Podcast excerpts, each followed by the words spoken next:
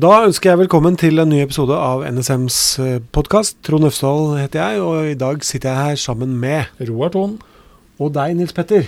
Nils Petter Wien, du er eh, noe sånn sjeldent som en statlig hacker. Velkommen skal du være. Takk for det. Hva i all verden er en statlig hacker?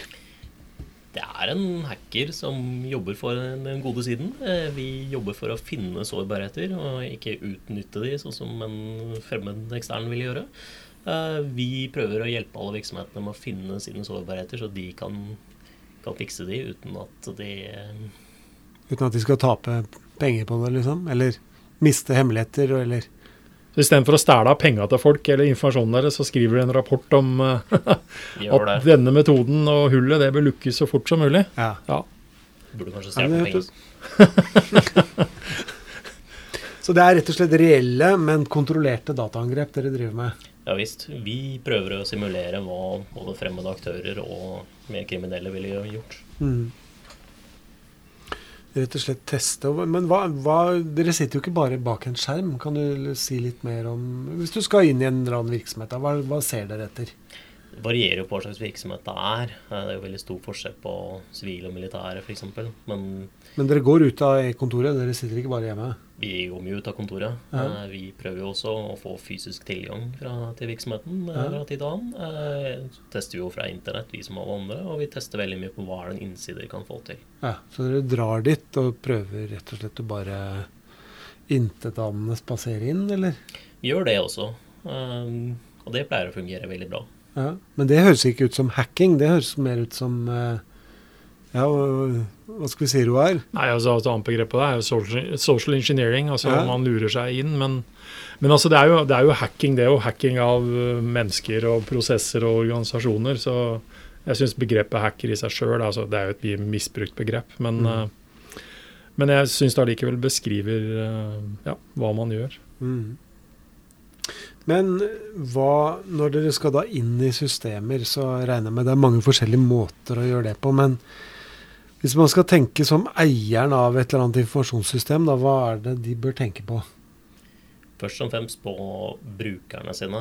Eh, Lære opp brukere på å lage gode passord. Eh, det er som regel den enkleste veien inn. Vi finner altfor mange systemer som er beskyttet av brukere som har laget veldig dårlige passord, okay. inkludert administratorer. Ok, Så data, de som er ansvarlige for systemene, de er kanskje de som Ja, man regner med at de er gode til å lage passord, men de, er, Du skulle tro det, men det er ikke alltid de er det. de må kanskje lage veldig mange passord, og da gidder de ikke å være like flinke hele tiden, eller? Det ser vi ofte. Ja. Og vi ser ofte at særlig det er steder hvor de må bytte passord veldig ofte, Ja. og du tillegger veldig mange passord, så blir det jo veldig mye gjenbruk, og det blir ofte dårlige passord. Ja. Og da har man en sårbarhet med en gang. Ja. Og den finner dere. Vi liker å tro det. Vi Ja. finner jo ikke alle, men passord er jo psykologi. Det er jo å tenke hvordan er det folk lager passord. Så prøver man da å gjette de passordene folk bruker. Ja. Men Petter, mitt inntrykk eh, i min eh, dialog med mange virksomheter og så videre, er at man, man veldig fort går i den fella og fokuserer på veldig mange av disse avanserte tingene. Og så glemmer man å gjøre de grunnleggende tingene som du snakker om.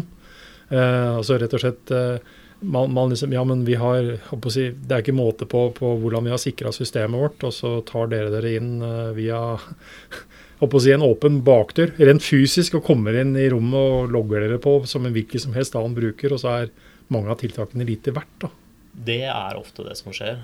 Eh, Vi har vært og testet hos flere virksomheter som har veldig god sikkerhet. Men som forsvarer så må du beskytte deg mot alt. Som en angriper så holder det strengt tatt å finne et hull. Ja. Og det kan ofte være så enkelt som ja, et passord.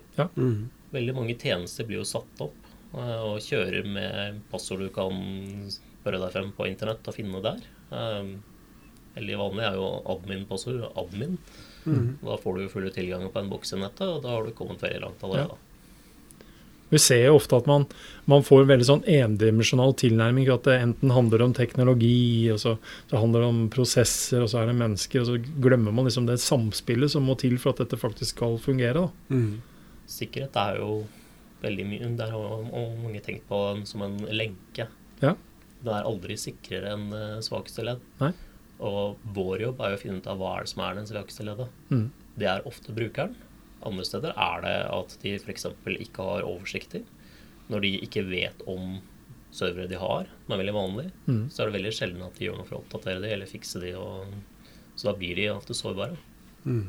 Men når vi presenterer resultatene av det dere, det dere gjør, blir Er det veldig mange som blir veldig overraska? Det er veldig vanlig at de blir veldig overrasket. De blir gjerne litt overrasket over at eh, Eller de, de venter at de har noe, men det er sjelden at de, de tror de, de er så ille som det ofte blir. Og ikke minst de stedene hvor de er flinke, så blir de gjerne veldig overrasket over hvor fort vi klarer å bryte oss inn. Mm.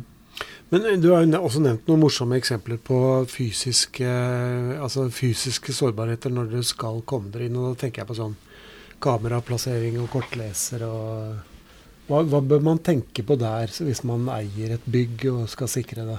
Det viktigste er egentlig å sørge for at eh, man ikke kan, som ekstern kan lese av PIN-koder eller annet, typisk. Mhm. Eh, når folk går rundt med adgangskortene sine, så kan eh, andre ta bilder av dem, eller du kan finne på internett og lage falske kort. Men gjør noen det? Eller jeg ville gjort det, i hvert fall. Ja, nettopp. Det er tenkelig, og da er det en sårbarhet. Det er tenkelig, og det er grunnen til at vi prøver dette, og det fungerer jo beklagelig nok veldig bra. Ja. Um, det er veldig vanlig at du kan se PIN-kodefolk taster inn, og det er veldig mange adgangskort som er mulig å kopiere, manipulere og endre på. Og da er egentlig hele sikkerheten i PIN-koden, og når du da kan stå på utsiden av bygget og lese av PIN-koden når den blir tasta inn, så nei. Ja. Det er også veldig viktig at kameraer er plassert riktig, så du unngår dødsoner, som du veldig fort får. Um, og at det f.eks. er det vanlig å sette opp et kamera som du da kan gå under kameraet, og da syns du ikke fordi du har en stor blindsone. Mm. Og for å unngå det, så bør man ha sånne kameraer som går alle mulige veier, da, som også klarer å gå rett ned. Ja, typisk. Og gjerne ha Mm. to kameraer på ting på utsiden, så Mm. du får det fra forskjellige vinkler. Mm. Men når dere Altså, dere, dere finner jo veldig mye, og jeg vet jo at det er sånn hos oss at uh, når, når virksomheter bestem, bestiller den type tjenester fra dere, så, så holder vi kortene veldig tett til brystet i forhold til hva vi finner osv. Det er jo ikke ønskelig at det, disse sårbarhetene skal komme ut og faktisk utnyttes av andre. Uh, men, men får vi noe merverdi av det dere finner utover det at virksomheten selv får en tilbakemelding? Virksomheten får en tilbakemelding direkte. Eh, NSM bruker jo disse dataene i anonymisert form. Fordi at verdien som du sier, er mye større når samfunnet kan ha glede av det. Ja. Og våre data, eller NSMs Pentest-data, er veldig nyttig for NSM siden, sine analysemiljøer og alt mulig annet for å sørge for at ja, samfunnet blir best mulig. Mm. Så når vi, når vi går ut og sier at, eh, liksom, at disse tingene er viktige, så er det ikke liksom bare basert på liksom noe vi har lest oss til, men, men altså Dere har på mange måter vært der ute og testa ut at altså det, Dette holder ikke mål å gjøre det på den måten. Ja, Vi har veldig mye empiri som NSM Ja. bruker, og det viser seg gang på gang hvor effektivt det er når NSM snakker om ting vi vet, og ikke bare kan synes om. Ja. Mm.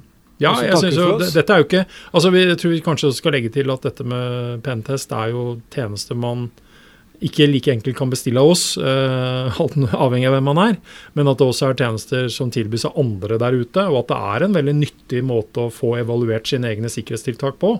Så det er et tiltak vi anbefaler veldig sterkt i NSM, at man utsetter seg for den stresstesten det faktisk er. da. Mm.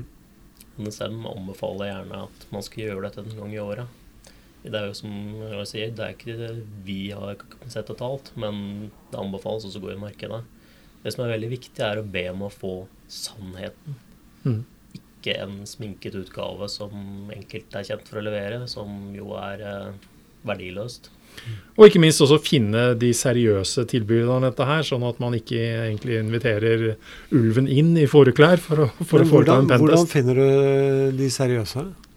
Nei, altså, Det handler jo litt om uh, viss kunnskap i markedet, om uh, hvem som tilbyr hva. Altså, Jeg pleier litt å si at uh, altså, det, fin det fins mange seriøse enkeltindivider osv., men når du dukker opp med denne enkeltmannsbedriften, Ja, ja. så ja. Store, velrenommerte, det er vel egentlig det dere er inne på der, da. Bruk huet litt og undersøk med andre hva de har brukt og hva er erfaringen. Nei, men greit. Da takker vi for oss.